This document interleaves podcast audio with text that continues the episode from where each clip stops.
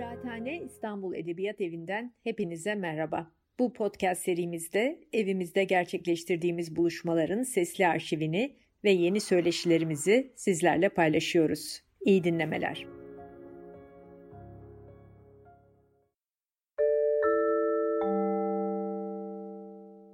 Merhabalar. İstanbul Edebiyat Evi'nin Firuzan Konuşmaları dizisinde dördüncü konuşmaya geldik. Sıra benim. Ee, Berlin'in Nar Çiçeği romanı hakkında konuşacağım Firuzan'ın. Firuzan'ın hayatında bir Almanya dönemi var. 1975 yılının Haziran ayında Alman Akademik Değişim Servisi'nin bir sanatçı programı kapsamında davet edildiği Batı Berlin'e gidiyor ve tam bir yıl kalıyor Firuzan orada. Bu süreçte Almanya'nın farklı şehirlerinde özellikle de Ruhr Havzası'ndaki madenlerde çalışan Türk işçilerle röportajlar yapıyor ve bu röportajlarını Yeni Konuklar adlı kitabında topluyor. Yani Berlin'in Arçiye'ne gelmeden biraz e, Firuza'nın Almanyası, Almanya dönemi üzerine birkaç laf edeyim istiyorum başlangıçta. Yıl 1977 Yeni Konuklar kitabı. İlk kitap bu Almanya döneminden. E, Berlin'de başladığı kitabını bir yıl sonra İstanbul'da tamamlıyor yazar. E, tabii buradaki konuklar e, Türkiye'den veya ve başka birkaç ülkeden Almanya'ya çalışmaya gelen işçiler. Yani Gastarbeiter. Çoğul olarak burada e, konuk işçiler. Geçen yılın 30 Ekim'inde bu uzun hikayenin 60. yılı doldu. Bu konuklar 4. hatta 5. kuşağa ulaştılar bugün. Dolayısıyla artık konuk değiller.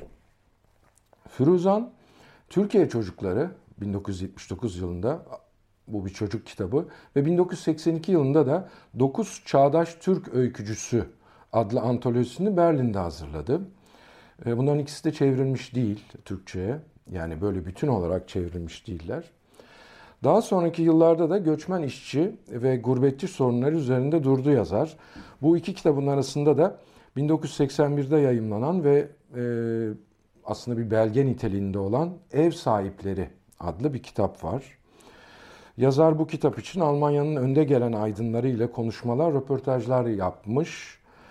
Ee, ki bunların arasında Günter Grass var, Heinrich Böll var. Ee, bir de Firuza'nın Almanya'yı mekan olarak alan bir de romanı var. 1988'de yayımlanan ve bugünkü konuşmanın konusu olan bu roman, yani Berlin'in Nar Çiçeği, Doğu bloku ile Batı dünyasını ayıran duvarın yıkılmasından önceki Batı Berlin'de geçiyor. Yani benim hayatımdaki Almanya'dan bir dönem olarak bahsedebilir miyim bilmiyorum. Neredeyse 5 yıldır ben Berlin'de yaşıyorum ve şu anda bir dönüş planım yok. Bundan 2 ay önce Firuza'nın Batı Berlin'e ilk gidişinde kaldığı binanın önündeydim. Şehrin merkezine yakın bu binanın adı Ravenna House. Onun e, ki onun kapısında çekilmiş bir fotoğrafı da var kendisinin, e, Firuza'nın. E, ikinci gelişinde, sonraki gelişinde de yine Berlin'in batı tarafında kalıyor yazar. Onun dışında aslında bugün hala Firuza'nın kitaplarını yayınlayan yayın evinin de zamanında ben editörüydüm ve ilk e, kitabım e, da Firuza'nın bir kitabıydı. Benim sinemalarım, e, benim serüvenim, Firuzan serüvenim kişisel olarak bu kitapla başlamıştı. Almanca'da da tabii e, Firuzan çevirileri var. Onun öykülerinden bir seçki Frau ohne Schleier e, ismiyle yayımlandı. Yani peçesiz kadınlar diye çevrilebilir. Bir de ev sahipleri kitabı çevrildi. E, o da Logis im Land der Reichen ismiyle çevrildi ama hani bunları Türkçe'ye çevirirsek tabii ev sahipleri olmuyor mesela bu kitap. Ee, zenginlerin ülkesinde ikamet gibi çeviri herhalde e, doğru olur. Bugün bu baskıları yanımda değil maalesef ama isimlerini almak istedim. Ee, Aslan Erdem ile hazırladığımız bir kitabımız da var bizim. Geçen yılın Haziran ayında çıkan bir kitap bu. Ayrıca 10 yazar da katkıda bulundu bu kitaba. Yanımda bu. Bahçelerinde yaz konuşmalarda böyle göstermek artık gelenek oldu. Ee, Bahçelerinde Yaz kitabı bizim. Ee, burada Aslan'ın, Aslan Erdem'in ve Zeynep Tüfekçioğlu'nun Berlin'in nar çiçeği üzerine yazıları var. Romanı okuyup sevenler için bu iki yazıyı da içtenlikle öneriyorum. Ee, hakikaten çok iyi yazılar bunlar. Şimdi romana gelelim. Bu ilk yayınlandığında Berlin'in nar çiçeği 6 ay içinde tekrar basılmış ve o günden bugüne hep okunmuş bir metin. Ee, roman ikiye bölünmüş Berlin'in batısında ana karakter Bayan Lemmer'in sayıları giderek artan, aralarında Türklerin de bulunduğu konuk işçilerle komşu olarak birlikte oturduğu bir binada geçiyor. Yani mekan olarak e, Yorkstrasse'de, Batı Berlin'de bir e, bina söz konusu. Bunun dışına pek az çıkılıyor. E, hatıralarda çıkılıyor. Romanda Bayan Lemmer'in yanı sıra Korkmaz ailesinin fertleri var. Konuk işçi ailesi bu. Selman, e, Güldane ve çocukları Adem, Kamber ve Ümmühan. Bunun dışında e, bu karakterler önemli yani Bayan Lemmer'i aklımıza tutmak belki iyi olur. Bir de Korkmaz ailesinin fertlerini. Ama bunun yanı sıra binanın kapıcısı Bay Ranke var. E, Bayan Lemmer'in kızı Gudrun var ve oğlu Johannes var. Roman 70'lerin sonları veya 80'li yıllarda geçiyor ama tam tarihi belli değil. Ee, ve bölümlere ayrılmış ama numaralandırılmamış ee, bölümler arasında biraz e, anlatının akışıyla gevşek olarak bağlantılı bir takım alıntılar var. Öyle değişik bir şey yapmış Firuzan. Bunlar tabii e, metne gönderme yapıyorlar. Onu söylemek lazım. Şimdi önce belki kısa bir özet, sonra bir biraz daha derinlemesine bakıp sonrasında belki belli bir çerçevede yaklaşacağım e, romana. E, çok kısa bir özetle başlayayım. İkinci Dünya Savaşı'nda sakat kalan kocasını ona kavuştuktan birkaç ay sonra yitiren Bayan Lemmer yaşlı, iki çocuklu ve kuşu Sara ile yalnız yaşayan bir kadındır. Ee, çok kısa özet olarak alalım sonra derinleşeceğiz. Hayatının sonlarına doğru komşusu olan e, Korkmaz ailesi sayesinde hayatı güzelleşir. Yalnızlığı bir bakıma son bulur ve geçmişteki güzel günlerine olan özlemini, sevgiyi, değer vermeyi ve değerli hissedebilmeyi tekrar yaşar ve hayatının son günlerini bu şekilde geçirir. Yani bir paragraflık bir e, özet böyle olurdu. Ama biraz daha yakından bakabiliriz. Hakikaten e, Alman kültürüyle yetişmiş, ağırbaşlı, sevgi dolu, dayanıklı bir kadın, güçlü bir kadın Bayan Lemmer. Eşi Herman savaşa katılıp iki çocuğuyla yalnız kaldığında dahi mücadeleyi bırakmayıp çocukları için bir pastanede tabii kendi hayatı içinde çalışmaya başlamış ve tek başına çocuklarını büyütebilmiş. Eşi savaştan dönüyor ama kolunu kaybetmiş halde dönüyor ve e, bir bakıma aile fertleri birbirlerine kavuşmuş oluyorlar.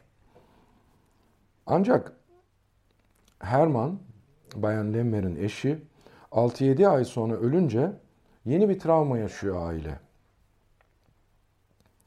Kısa bir süre sonra oğul Johannes ben Hamburg limanına çalışmaya gidiyorum diye çıkıyor Oradan Amerika'ya gidiyor. Oraya yerleşiyor ve ondan bir daha haber alınamıyor. Bayan Lemmer kızıyla yalnız kalıyor. Kızı Gudrun ile ve onunla hayatını sürdürüyor ama kısa süre sonra kızı da ben bir koca buldum diyor. Ee, ve e, onunla evleniyor ve daha iyi tırnak içerisinde bir yaşam sürmek için Almanya'nın batı tarafına göç ediyor. Bu sırada Frau Lemmer'e yani anneye Frau dedim Almanca, Bayan Lemmer demeliydim.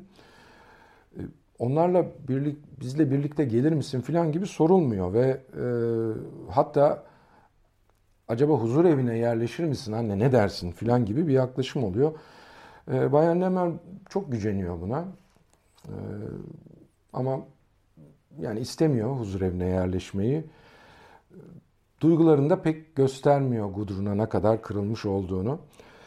E, ve bu davranışından sonra kızının küçüklüğünü hatırlıyor. Hatıralarındaki kızı ile şimdiki Gudrun arasında büyük farklar görüyor ve aslında ilişkilerinin yıllar içerisinde kopmuş olduğunu ve birbirlerine yabancılaştıklarını fark ediyor.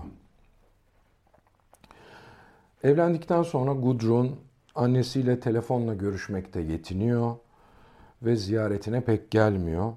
Telefon görüşmeleri ise yüzeysel boyutta kalıyor ve hep aynı soru ve cevaplarla geçiyor.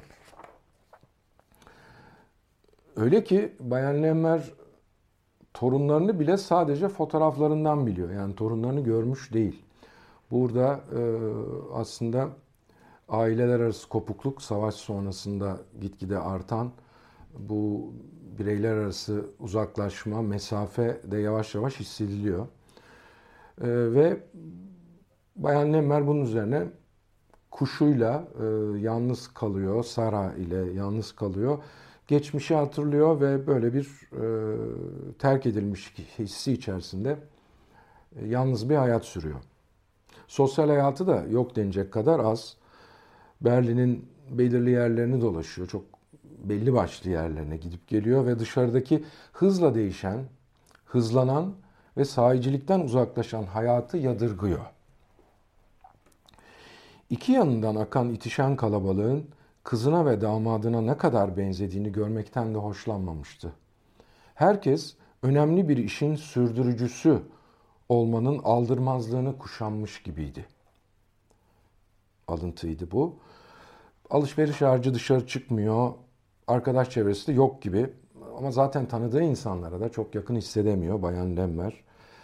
Ee, ama hayranlık duyduğu bir komşusu var. Bay von Habe. Ve von Habe ve kapıcı Bayranke önemli bir karakter roman için. Bu ikisi haricinde kimseyle iletişim yok diyebiliriz. Kapıcı ise hem meraklı olduğu için hem de kızı rica ettiğinden dolayı rica ettiği için Bayan Lemmer ile iletişim sağlıyor. Ama kapıcının samimiyetsizlikten hoşlanmadığı için Bayan Lemmer'in de ilişkisi Bayranke ile bir bakıma mesafeli diyebiliriz. Aslında kendini yakın hissettiği ve huzurlu olduğu tek kişi o binada Yorkstrasse'de konuk işçilerle birlikte yaşadığı binada yakın hissettiği kişi Bay von Habe. Ama o da ölüyor ve sonunda e, kuşuyla yalnız kalıyor. Zara ile yalnız kalıyor. Yine bir alıntı. Hala mutluluk bekliyorum. Ne ayıp. Tanrım söndür artık hayat ışığımı bitsin. Mutluluğu çok bekledim. Vakit yok biliyorum. Yaşlandım. Ömrüm tamamlanıyor. Ama bu yalnızlık ve umutsuzluk Bay von Habe'nin boşalan dairesine Korkmaz ailesinin taşınmasıyla son buluyor. Geçen yıllar içerisinde yalnızlığını kabullendiğini düşünse de aslında kabullenemediğini itiraf ediyor Bayan Lemmer bu ilişki başlayınca yani bu Türk ailesiyle ilişki başlayınca. Böyle yapamayacağım ben Zaracığım demiştim. İnsanlarla olmak istiyorum demek ki. Uygun bir şey mi bu? Ne ayıp. Hasta ya da bunak olduğumu düşündüm. Bayan Lemmer başlarda komşularından çekindiği için Türk aileyle görüşmekten çekinmiş ve uzak durmayı tercih etmiştir. Kim oluyor bu köylücükler? Nereden tanıyorsun onları ki kuşunu veriyorsun? Uzun yıllardır öğretilmeye çalışan gerçeği nasıl göz ardı edebilirsin? Bir istekleri yoksa niçin yakınlık duysunlar? Şüphe içeren cümleler bunlar. Ve hakikaten de kuşunu Korkmaz ailesine vermiştir. Belki iyileştirirler diye düşünmüştür Bayan Lemmer. Ama bu bir e, bir aileler arası diyeyim ya da insanlar arası bir ısınmaya yol açar. Bu kapıyı açar. Yani sanki yan dairenin kapısı açılmış ve Bayan Lemmer'in odasına da sıcaklık olmaya başlamıştır. Gitgide bu aileye, Korkmaz ailesinin evine gider gelir, onlarla yemek yer, çocuklarına pastalar yapar, örgüler örer ve Emin Hanım'ı Güldane'ye küçük bebekler için tavsiyelerde bulunur. Onlarla yani Korkmaz ailesiyle vakit geçirmekten mutluluk duyar. Huzur duyar. Ee, yine bir alıntı. Bayan Lemel Korkmaz ailesini kendi ailesi gibi görmeye başlar aslında. Kimsenin ötekilere vakit ayırdığını söyleyemeyiz bugünlerde. Fakat sizler bilemiyorum ne yapacağımı. Bizler buna hiç alışkın değiliz. Korkmaz ailesinin en küçük çocukları Ümmühan'ı kucağına aldığında ise büyük bir mutluluk duymuştur Bayan Lemmer. Adını Berlin'in nar çiçeği koyduğu bu bebekle zamanı paylaşır, ona hırka örer, mama verir, niller söyler, uyutur. Zaman zaman kaçamak dokunuşlar yapar bebeğe ve yine annelik ve ninelik duygularını tatmaya başlar. Kucağındaki bebekle o günlerde yaşadığı hiçbir şeyle ölçemeyeceği anın içinde kendi gövdesinin de uçukluk kazandığını duyumsuyordu yaşlı kadın. Yıllardır unuttuğu, özlediği aile sıcaklığını, karşılıksız sevgiyi, yardımlaşmayı, ırk ayrımı yapmadan bir olabilme anlayışını, ülkelerine ve kültürlerine olan bağlılığı bu ailede görür. Yıllarla neredeyse koruyucu bir kalkan gibi belendiği o sessizliğin, hüznün, tek düze günlerin kabuklandırdığı duyarlılığı çözülüyordu. Kat komşularıyla yakınlık taşımayan, taşımayan selamlaşmalar, kalıplaşmış konumsal, konuşmalar bunların hepsi yorucuydu ve geride kalıyordu. Sıcak bir bağ oluşur Korkmaz ailesiyle Bayan Lemmer'in arasında. Şimdi e, romanın ilk yarısından biraz bahsettim. Aslında ikinci yarısına da geçtim ama ilk yarısında romanın Alman karakterler var. Burada karakterler ve onların yaşantıları veriliyor bize, okura. Ee, Korkmaz ailesiyle Bayan Lemmer'in ilişkisi ise romanın hemen hemen tam ikinci yarısını yani 200 küsür sayfalık bu romanın ikinci yarısını kaplıyor. Şimdi ben e, romanın ilk yarısına yine bir Alman olan Helmut Leite'nin Türkçe'ye de çevrilmiş bulunan Soğuk Temas iki savaş arasında Almanya'da yaşama deneyleri ve mesafe kültürü isimli kitabı üzerinden yaklaşmayı deneyeceğim. Biraz ilk bölüme böyle bakacağım. Sonra da ikinci bölüme bunun üzerinden belki kısa bir değerlendirme e, aktaracağım, yapmaya çalışacağım. Şu kitap e, Soğuk Temas bilmiyorum ne kadar ilgi gördü ama e, çok e, önemsedim ben bu kitabı ve bu çerçevede bakmak istiyorum. Berlin'in Nar Çiçeği romanına. Şimdi bu kitap kültür tarihinin bir kurgusu olan uygun mesafe hakkında bir kitap. 30 yıllık bir savaş dönemi olan 1914 ile 1945 arasına odaklanıyor ve 1918'deki yenilgi sonrası Alman kültüründe yaşanan travmayı tasvir ediyor. Yani yenilgi sonrası, özellikle ilk yenilgi sonrası dönemden bahsediyor. O dönem yani Wilhelm İmparatorluğu'nun aşina ufukları kaybolup gitmiştir. Otorite sisteminin çözülmesinin ardından insanlar modernlikle yaşanan dolaysız karşılaşmayı bir böyle şok gibi deneyimlemektedirler. Yani modernleşme, yenilgi üzerine modernleşme böyle bir tür dondurucu şok gibi o dönemler.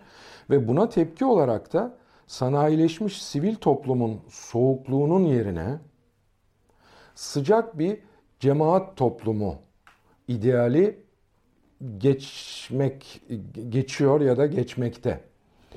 Ama tam bu noktada 1924 yılında felsefi antropolog Helmut Plessner, bu da bir Alman, ölümcül siyasi sonuçlar doğurabilecek olan bu cemaat tapınması, sıcaklık arayışı durumuna soğukluğu savunan bir manifesto niteliğindeki Cemaatin Sınırları kitabıyla müdahale ediyor. Plessner, ortak yaşama dayalı bir yoldaşlık olarak cemaat fikrinin karşısına hiç de cennetvari özellikler taşımayan bir toplum fikrini çıkartıyor. Basbayağı yabancılardan oluşan bir sistem bu. Açık bir sistem. İnsanların bu toplumun yasalarına göre iş görebilmeleri için kendilerini hala sıcak tuttukları güven alanlarıyla aralarına mesafe koymaları gerekir diyor Plesner. Soğukluğu savunan bir manifesto bu. Ani bir çarpışmanın ardından yabancılar arasına dış mekanın soğukluğu çökmelidir diyor mesela. Yabancılaşma içinde bir hayat sürmek bir sanattır. Bunu yapabilmek için insanların bu toplumsal oyunun birbirlerini taciz etmeden yakınlaşmalarını, yaralanmadan ayrılmalarını sağlayacak kurallarını geliştirmeleri gerekir diyor. Toplumsal ritüeller yani tören, diplomasi, ortama göre davranış vesaire bu dengeleme çabasını rahatlatır. İnsanın kendi doğasının yanında ikinci bir doğanın yapaylığına ihtiyacı vardır diyor Plesner. Hayatta kalabilmek için kendi etrafında dokuyacağı bir kültürel bağlama ihtiyacı vardır. Buz gibi bir manifesto. Birinci Dünya Savaşı'ndaki yenilgi ki İkinci Dünya Savaşı'nda da Almanya yenilecek biliyorsunuz. Weimar Cumhuriyeti'nde yani eski Almanya'da utancı ve maskelenme ihtiyacını beraberinde getirir. Utancın sıcaklığından kaçmaya, kendilerini ondan ayrı bir yere koymaya çalışan insanlar soğukluklarının damga vurduğu çeşitli tavırlar takınırlar. Bunu yaparken de soğuk davranmaya ilişkin incelikli doktrinler geliştirmek durumunda kalırlar. Soğuk personalar söz konusudur artık. Bu soğuk personaların Almanların 2. Dünya Savaşı yenilgisi ve Nazi felaketinden sonra da sürdüğünü söylemek mümkün bence. Utancın sıcaklığından kaçılır, yıkıntıların arasından yeniden kurulmaya kalkışılan Almanya için soğuk dönem yeniden başlamıştır.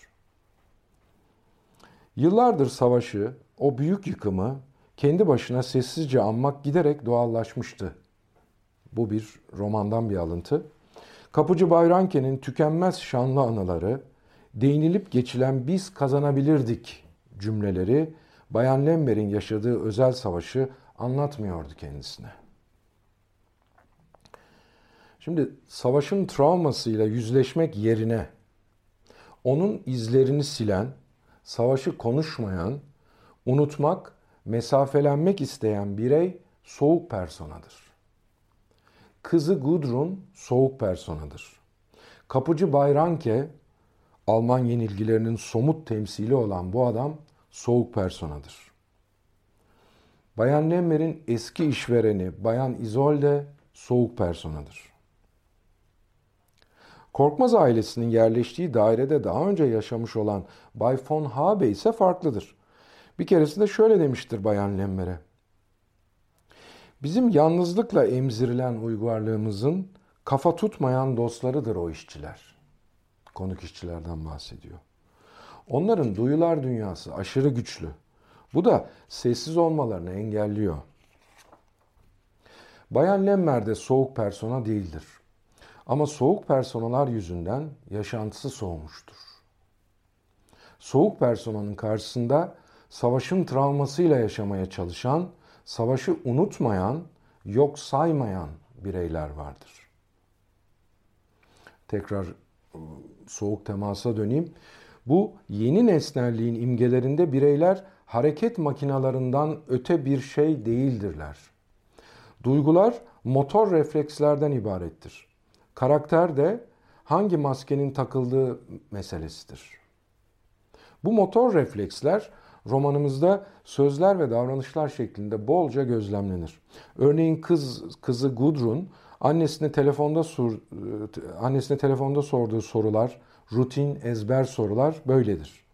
Veya kapıcı Bayranke'nin Alman tarihi ya da yeni gündelik hayat hakkında yaptığı yorumlar böyledir. Motor hareketlerdir, motor davranışlardır. Apartmana taşınan Korkmaz ailesi ve başka yabancı işçiler merdivenlerde Alman komşularla karşılaşınca tüm yüzleriyle gülümserler ama karşılık alamazlar.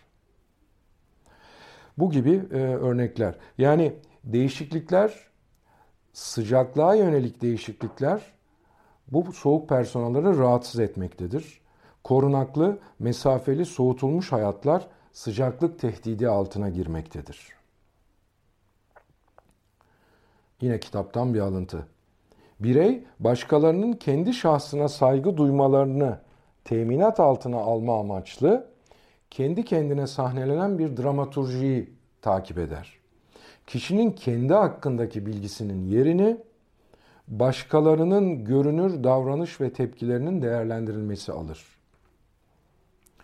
Romanda mesela cumartesi günleri kapıcı Bayranke arkadaşıyla evin önünde bir kasa bira tüketir ve şakalaşırken göçmen işçi erkeklerin davranışlarını bir komutan edasıyla süzer. Kahkahalarla gülerler işçilere. Böyle anlarda kapı önlerindeki işçiler konuşmalarını kesip onlara bakarlar. Yine Bayranke yani kapıcı Bayranke şöyle konuşur. Öğrenemeyeceklerine bile dikkat etmeden Almanca konuşmaya yelteniyorlar. Ekonomimiz büyüdü. Bunlara gereksindik, çağırdık, geldiler. Ama onlara yerlerini öğretmeliyiz. Yabancı işçilerin davranış, davranışlarındaki duygusal iniş çıkışlar karşısında şaşkınlık duyulur. Mesafesiz davranışlar ve daha birçok özellikleri yadırganıp eleştirilir. Soğukluk ve mesafelenme, yenilgiler sonrası yaşanan travmalara karşı bir zeminin korunabilmesi için gerekli görülür.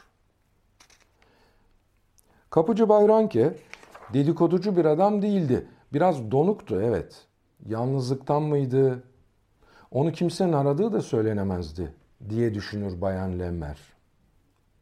Bu kapıcı posta kutularının mektuplarla dolması hakkında şunları söyler.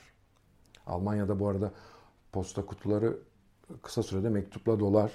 Almanlar yazışarak e, işlerini çözerler, çözmeye çalışırlar. E, bu dolu kutular hakkında şunu söylüyor. İş içinse elbette bir şey denemez. Ama bunun dışındaki yazışmalar, haberleşmeler saçma duygusallıklardır, gereksizdir. Mektuplar kaçıştır, gereksiz gösteriştir. Ama soğukluğun ve mesafenin doğal sonucu da duyguların buz kesmesi ve yalnızlıktır. Gerektiğinde uzanacak bir yardım elinin bulunamayacak olmasıdır. Helmut Leiten'in kitabından yine bir alıntı. Savaş sonrası toplumun başa çıkılamayan karmaşıklığı içinde ekonomik güvensizlik ve toplumsal mevkilerin belirsizleşmesi ortamında davranış kodlarıyla kayda geçirilen kurallar temel ayrımları çizme işini görürler. Kişinin kendisine ait olanla başkasına ait olan arasında. Bütün bunlar tabi olası bir yaralanmayı azaltmak için. Oğul Yohannes savaştan sonra uzun bir işsizlik dönemi geçirmiş ve daha önce de belirttiğim gibi bir gün aniden Hamburg, Hamburg limanında iş bulunabiliyor diyerek çekip gitmiş ve 15 yıl annesini aramamıştır. Leyten'in Soğuk Temas kitabında edebiyata da referans verilir. Edebiyatta buz gibi soğuk memur, geleneksel işçi sınıfı kültürünün sıcaklığının karşıtı olarak öne çıkar. Sıcaklığa muhtaç mahluk, medeniyetin buzul tiplerinin karşısında var olur. Şuradan müsaadenizle bir su alayım. Ee, sıcak işçi sınıfı tipleri karşısında buzul tipler. Kitapta harp malulü kavramına da atıfta bulunur. Yani soğuk temas kitabında. Bir utanç kaynağı olarak malüllük. Berlin'in nar çiçeğinde Frau Lemmer'in kocası Hermann harp malüldür. Hermann savaşın sonunda esir değişimi yoluyla gelmişti Berlin'e. Zoo istasyonunda trenden inip durmuş, Bayan Lemmer'i kıpırtısızca beklemişti. Tek koluyla karısını kucaklamaya kalktığında genç kadın kendisinin bile nedenini anlayamadığı bir ağlama tutturmuştu. Kocası, haydi hazinem, sus, ağlama lütfen, görüyorsun yanındayım. Ayrıca çok zararda sayılmayız. Asıl gerekli parçalar yerinde. Bu son cümleyi defalarca şaka yollu tekrarlar. Acı şakaya vurularak örtülmeye çalışılmaktadır. Bayan Lemmer sevişirlerken kocasının olmayan koluna doğru bakmıyordur. Oğlu da hiç doğrudan bakmıyordur babasından yana. Bir kere savaş nasıldı diye sorar ama somut cevap alamayınca bir daha sormaz. Şöyle cevap verir babası. Sanki yüksek çelik fırınların içinde yuvarlanıyorduk saç saça baş başa. Ağzımız yüzümüz kan pıhtılarıyla, sıyrılmış kemik parçalarıyla, dağılmış beyinlerle sıvanıyordu. Ama kardan, buzdan oluşan bir stepti bu fırınlar. Soğuk yakıyorlardı. Diğer yanda Bayan Lemmer'in erkek kardeşlerinden biri savaşta kaybolmuş, diğeri ise ölmüştür. Cehennem sıcaklığındaki savaş büyük yıkımı ve sonsuz soğukluğu getirmiştir. Ancak kitabın yazarı Helmut Leyten şunun da altını çizmeden bitirmez kitabını. Günümüz ikliminde soğuk personaya gösterilebilecek tek ilgi, tek meşru ilgi bir antikacı ilgisidir. Bu personanın günümüzde yaşama şansı pek yoktur der Helmut Leyten. Helmut Leyten hayatta çalışmalarını e, sürdürüyor ama belki bu görüşü aslında tartışılabilir bence. Bu persona günümüzde yaşıyor da olabilir. Ama e, onun incelemesi soğuk ve mesafeli davranış öğretisi hakkında çok etkileyici bir kitap. Almanya'nın Tageszeitung gazetesi bu kitabın tanıtım yazısına bir soğukluk makinesi olarak insan başlığını atmış. Türkiye'de bazen Almanlara yönelik olarak Almanlar soğuktur diye bir genelleme kulağımıza çarpar. Bu kitap bu genellemeyi de açıklıyor olabilir bir bakıma. Yani belki. Şimdi e, sonlara doğru yaklaşırken romanın ikinci yarısı ise Bayan Lemmer ile Korkmaz ailesinin yakınlaşması etrafında örülür demiştim. Ailenin oması yani büyük annesi olur Bayan Lemmer. Sıcaklık, yakınlık, paylaşılan sofralar, paylaşılan şarkılar, kokular, birlikte geçen akşamlar ve bol sohbet vardır. Gülümseyen gözler vardır. Yardımlaşma vardır. Sevginin sıcaklığı ve gücü vardır bu birliktelikte. Yakınlar arasındaki sevinçler, özlemler, yıllar var ki sarılmalar, öpüşmelerle onlarda dışlaştırılmazdı. Oysa Türk aileyle olan tanışmasıyla sözcüklerin yetersizliğini ayrımsıyordu epeydir. Bunları güçlendirmeyi istedikçe devinmeler, dokunmalar boy atıyordu yüreğinde. Bayan Lemmer'in yüreğinde. Artık kendisini yalnız hissetmez. Gerçi savaşın açtığı dev boşluk dolmuyordur ve ne bileyim öteki Almanlarla kat aralarında rastlaştığında onlarla arasında bir uzaklık oluşuyordur hala. Yalın kesin bir selamlaşmadan öteye gidilemiyordur belki ama Bayan Lemmer'in hayatının sonbaharı ısınmış, içi huzur dolmuştur artık. Eksik hissettiği sıcak duygularla kendini bütünlemiş ve aradığı mutluluğa bu yakınlık sayesinde kavuşmuştur. Yaklaşan ölümün soğukluğuna, Korkmaz ailesinin sıcaklığı içinde hazırdır artık. Felix Welch yine bir Alman yazar 1914 tarihli yani bu Soğukluk Manifestosu'ndan 10 yıl önce çıkan Beyaz Yapraklar Weiße Blätter kitabında şöyle bir cümle kullanmış, yazmış. Bireyin asli varlığı en temelde kutupludur. İkilik ile birlik arzusu. Çelişkinin gerilimiyle gerilimi aşma arzusu. Bayan Lemmer Korkmaz ailesiyle yakınlaşması sonrası bu gerilimi, bu uçurumu aşmıştır. Şimdi bir de birlikte okuma önerisi yapacağım konuşmamın sonlarına doğru. Ee, bu romanı Alman sinema yönetmeni Rainer Werner Fassbinder'in bol ödüllü Angst essen Seele auf yani korku ruhu kemirir isimli filmiyle paralel bir okumaya tabi tutmak mümkün. 1974 yapımı bir film bu. Yani romandan 14 yıl önce aslında e, gösterime girmişti. Aslında Almancadaki Angst yani korku tekil bir sözcük. Daha doğrusu yani çoğul kullanılmıyor. E, ama filmdeki Almancası bozuk konuk işçi Bu fiili mastar halinde kullanıyor ve e, yönetmen de bunu e, filmin ismine taşımış. E, bu tabii çok güzel bir bence hamle olmuş. Ali, filmin diğer ismi de Ali aslında. Ali Fas'tan Almanya'ya, Münih'e çalışmak için gelmiş bir işçidir. Çok kısa bir özet vereceğim.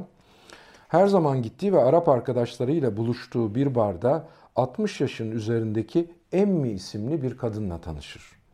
Emmi kendisine aşık olur ve yaş, renk ve milliyet farkına bakmadan aşkını yaşamaya başlar. İlk günlerde bu durumu çocuklarıyla da paylaşır ve kimseden destek görmez.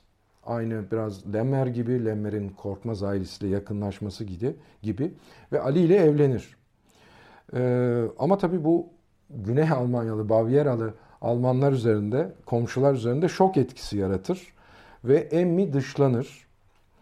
Ee, imkansız gibi görünen Emmi ve Ali'nin aşkı hikaye ilerledikçe yönetmen tarafından sert bir toplum eleştirisine doğru evrilir. Ee, ben çok iyi bir film olduğunu düşünüyorum. Ama biraz daha devam edeyim. Emmi bir gün Ali'ye çok mutluyum ama bir o kadar da korkuyorum der. İşte bunun üzerine Ali filmin ismini söyler. Yani Angst essen Seele auf der. Yani korku ruhu kemirir. Bakkal kötü davranır Ali'ye, komşular kötü davranır filan ama hatta yani Ali Emmi ile birlikte yaşamaya başladıktan sonra apartmanın daha fazla pislendiğini e, söylerler. Ama e, Emmi siz kendi kapınızın önünü süpürün. Bu yaptığınız kıskançlıktan başka bir şey değil diye cevap verir. Daha fazla uzatmayayım ama bu filmle Firuza'nın romanı arasında birçok paralellik kurulabileceğini ve bir Türk ile bir Alman yazarın e, metni de Fassbinder yazmıştı. Bu iki söylem üzerinden karşılaştırmalı bir okuma da yapılabileceğini düşünüyorum. Bugün İstanbul'da yaşayan aktif bir yazar olarak Firuzan'dan yeni kitaplar bekliyoruz biz. Biz bir kitap yaptık onun yazdıklarıyla ama e, kendisinden bir kitap e, daha bekliyoruz tabii. Almanya dönemi ise kitaplarında e, Almanya dönemi onun kitaplarında bazen Berlin'i seyredebiliyoruz onun gözüyle. Bir söyleşisinde şunları söylüyor Firuzan. Berlin'i özellikle o zaman batı olan tarafını ezbere tarif edebilirdim. Hangi sokak nereye çıkar filan. Çünkü ben kentleri katmanlarıyla yaşarım. Turist gibi yaşamaktansa hiç hoşlanmam. Onun için turistik gezi de pek yapmam. Bizim çok insanımız yaşıyor orada. Benim bulunduğum yıllarda da o insanlar oraya daha uyum gösterme niyetindeydiler. Ama zaman öyle hızlı aktı ki. Şimdi oralarda gettolar var. O gettolarda hem dıştan hem içten korumaya alınmış durumda. Ama bu durum değişti tabii. Bugün öyle değil. Türklerin yaşadığı semtlerde hayat çok daha sakin ve huzur içinde sürüyor bugünlerde. Son yıllarda. Eskiden Berlin duvarının bitişiğinde kaldığı için konuk işçilere bırakılmış olan Kreuzberg, Wedding veya Neukölln gibi semtler duvar yıkıldıktan sonra adım adım güzelleşti, restore edildi ve özellikle son 10 yılda giderek daha fazla değer kazandı ve gentrifikasyon deniyor, mutenalaştırıldı. Bugün bu semtlerde bir ev bulmak bile zor yani bulsanız da e, çok pahalı bu evler. Romana dönerek bitiriyorum. Korkmaz ailesinin bebeği Ümmühan yani Berlin'in nar çiçeği bugün çok dilli, çok kültürlü ve Nurdan Gürbilek'in deyişiyle yurdu genişlemiş bir birey olarak Almanya'da 40'lı yaşlarını sürüyor olmalı. Dinlediğiniz için teşekkür ederim.